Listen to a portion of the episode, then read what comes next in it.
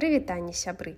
Гэта падкаст пра мовы на мове. Мяне зовут Інна. Тут я вам рассказываю пра мовы замежныя і родныя пра вывучэнне моў пра лінгвістыку ну ўсё такое. Сёння я адкажу на пытанне ды колькі людзей на самой справе размаўляюць по-беларуску Я ўпэўнена, што тым беларусам, якія мяне слухаюць, прыходзілася адказваць на пытанне ад людзей з іншых краін, колькі ж людзей размаўляюць па-беларуску мне прыходзілася.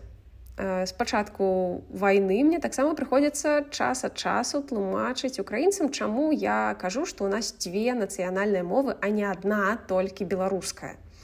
І таксама чаму я кажу што моя родная мова расійская а не беларуская Я разумею што некаторыя украінцы лічаць што нацыянальная мова павінна быць толькі адна дарэчы паслухайце першы эпізод майго падкаста аб тым чаму ідэя што адной нацыі павінна быць адна мова даволі новая і трэба значыць што я не лічу што украінцы не маюць рацыі я канешне сама была б толькі радая каб больш беларусаў размаўлялі на беларускай мове. Але рэчаіснасць больш сумная. На жаль расійскі польскі моўны імперыялізм іншыя імперыялізмы былі значна больш паспяховыя на тэрыторыі беларусі ну першую чаргу расійскі імперыялізм э, чым на тэрыторыю краіны і таму так з майго пункту гледжання расійская расійская мова стала адной з нацыянальных моў у беларусі але пра ўсё сваім парадкам ну добра ды колькі людзей размаўляюць на беларускай мове? Па-першае у беларусі дзве мовы маюць афіцыйны статус беларуская і расійская Але трэба адзначыць, што калі вялікая і малая мовы маюць аднолькавы э, афіцыйны статус у краіне, гэта непазбежна прыводзіць да паслаблення меншай мовы і ўзмацнення вялікай.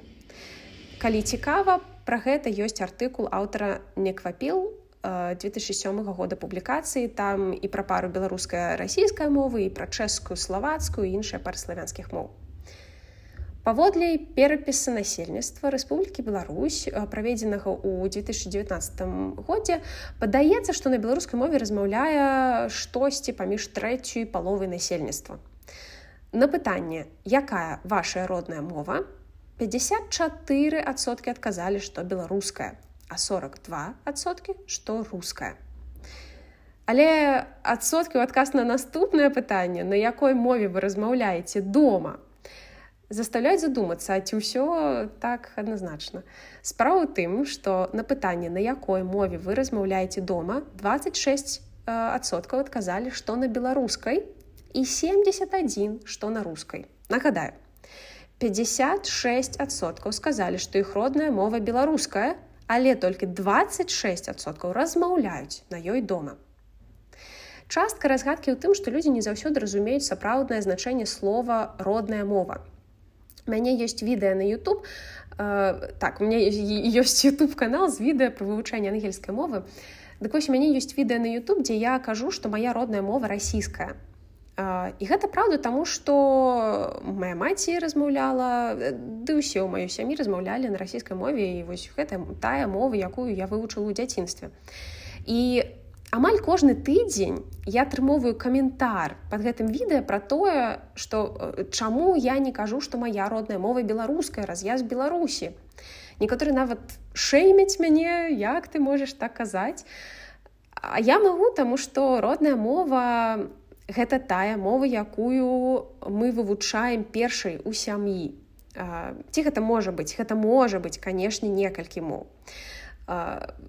І гэта не тая мова, з якой я сабе ідэнтыфікую і не тая мова, якую я больш ужываю, Таму што тады я магла б і ангельскую мову назваць сваёй роднай, таму што большую частку часу зараз я размаўляю менавіта на ангельскай мове.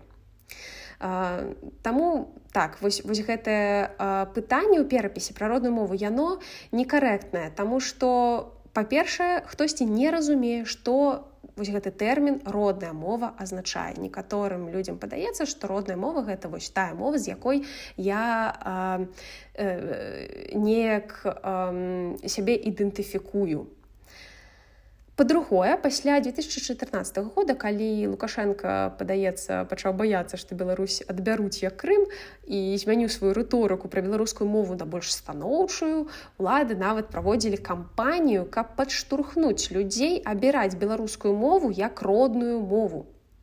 У гады паміж 2014 2014 і 2019 годам улады укладалі ў галовы людзей думку, што культура нацыянальнасці мова гэта адное і тое ж. А гэта не адно і тое ж і я таксама гэта ўжо тлумачыла ў першым эпізодзе, што гэта даволі э, такая новая ідэя пра тое, што гэта адно і тое ж. Але мы разумеем, што гэта не адно і тое ж таму што тады у канадцаў родная мова павінна была быць канадская у швейцарцаў швейцарская але гэта так не працуе. У выніку некаторыя людзі выбіралі беларускую мову у перапісе як родную па прынцыпе ну па нацыянальнасці я беларус значыцца моя родная мова павінна быць беларуская ну і па-трэцяе у перапісе не пыталі пра трасянку і дыялекты ты размаўляеш па-руску ці па-беларуску і ўсё А на самой справе ёсць шмат людзей якія размаўляюць на трасянцы ці так названай беларуска-рускай змешанай гаворцы Belarusian Russian mixed speech. І мы не ведаем колькі з гэтых людзей у перапісе выбралі беларускую просто таму што палічылі ну я размаўляю на трасянцы але ж гэта не руская мова так? Гучыць больш падобна да беларускай. Ну добра адзначу беларускую Што ж на самой справе? Адназначна сказаць складана, таму што афіцыйнаму перапісу давяраць мы не можам. І таму у нас ёсць толькі навуковыя даследаванні. Праблема і праблема навуковых даследаванняў у тым, што ў іх рамках можна спытаць ну 500 ну ну тысячу людзей. У лінгвістыцы сацыялогіі заўсёды так. Мы праводзім апытанні ці эксперыменты на абмежаванай групе людзей і спадзяемся, што вынікі можна экстрапаліраваць на ўсё насельніцтва, што іх можна перанесці на ўсё насельніцтва ці на нейкую больш вялікую частку насельніцтва. Натуральна, для гэтага існуюць правілы, па якіх даследаванні праводзяцца. Але мы, мы не можам правесці даследавання Э, па, і паглядзець ну, мы не можам маць усё насельніцтва як людзей, якія прымаюць удзел у, у даследаванні. Ну дык вось даследаванні. Іх няшмат, але яны ёсць і я хочу вам расказаць пра два. Першае было праведзена лінгвістамі з нямметчыны ў 2013 годзе. Апублікаванае гэта даследаванне было ў 2015 годзе аўтары Хенчель, Прюгеман, Кайка і цэла. Гэтыя даследчыкі спецыялізуюцца апроч іншага на беларускай мове, шмат чаго апублікавалі. Яны апыталі 1100 чалавек ад 18 до 30 гадоў з розным адукацыйным бэкграундам, з усіх шасці абласцей беларусі. З людзей якія жывуць у гарадах у сям'і размаўляюць па-руску 85соткаў на трасянцы 15соткаў і па-беларуску каля 5соткаў атрымоўваецца больш за 100соткаў таму што э, можна было выбраць больш за один варыянт. Эм, так і у вёсках 57соткаў размаўляюць на трасянцы 39 па-расейску і 4 по па-беларуску. Гэта старое даследаванне, якое да таго ж праводзілася да перыяду вось гэтай мяккай беларусізацыі 2014-2019 гадоў.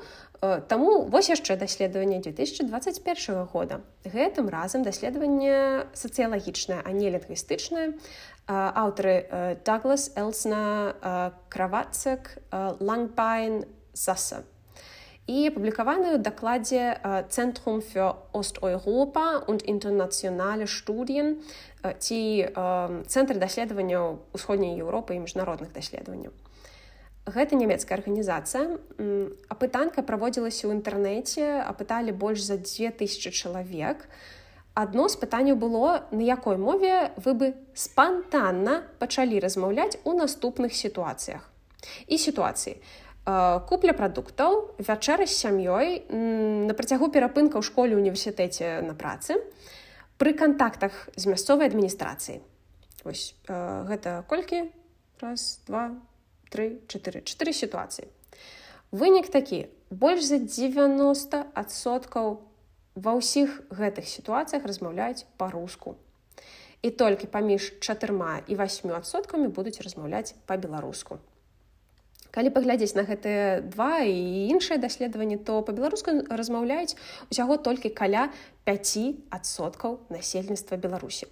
Гэта що штосьці каля а, каля 400 тысяч чалавек. Ці гэта шмат? Залежыць. Калі б усе гэтыя людзі жылі ў беларусі беларуская мова атрымоўвала падтрымку ўладаў то так гэта добрая лічба але на гэты момант улады ставяцца да беларускай мовы ну нейтральна. Ці робяць выгляд што яе не існуе ніхто на ёй не размаўляе. Ці рэпрэсуюць у тым ліку за яе. Задакументавана шмат выпадкаў калі ў 2020 21 годзе людзей які размаўлялі па-беларуску затрымоўвалі на даўжэйшыя тэрміны ці адносіліся больш жорстка ўмова затрымання і ў турме і канешне я ведаю людзей якія жывуць у беларусі размаўляюць па-беларуску але многія гэта робяць толькі дома з сям'ёй. Ці жывуць не ў менску так больш бяспечна. Дык вось. Ці гэта многа ці не да дадайце да гэтага што шмат людзей якія размаўляюць па-беларуску таксама належаць да апазіцыі. І таму шмат з іх з'ехалі з краіны у улічваючы як параўнальна мала ўвогуле беларусаў і з'ехаўшы беларусаў таксама дыяспары ў кожным асобным горадзе у большасці сваёй вельмі невялічкія што таксама замінае. Ды эміграцыі цяжэй прадаўжаць размаўляць на мове краіны з якой з'ехаў Таму я, я б сказала, што вось гэтыя 400 тысяч э, чалавек гэта многа, але не вельмі. Вось улічваючы, як складана размаўляць па-беларуску ў Беларусі і таксама якія ну, маленькія э, дыяспары беларусы маюць у іншых краінах.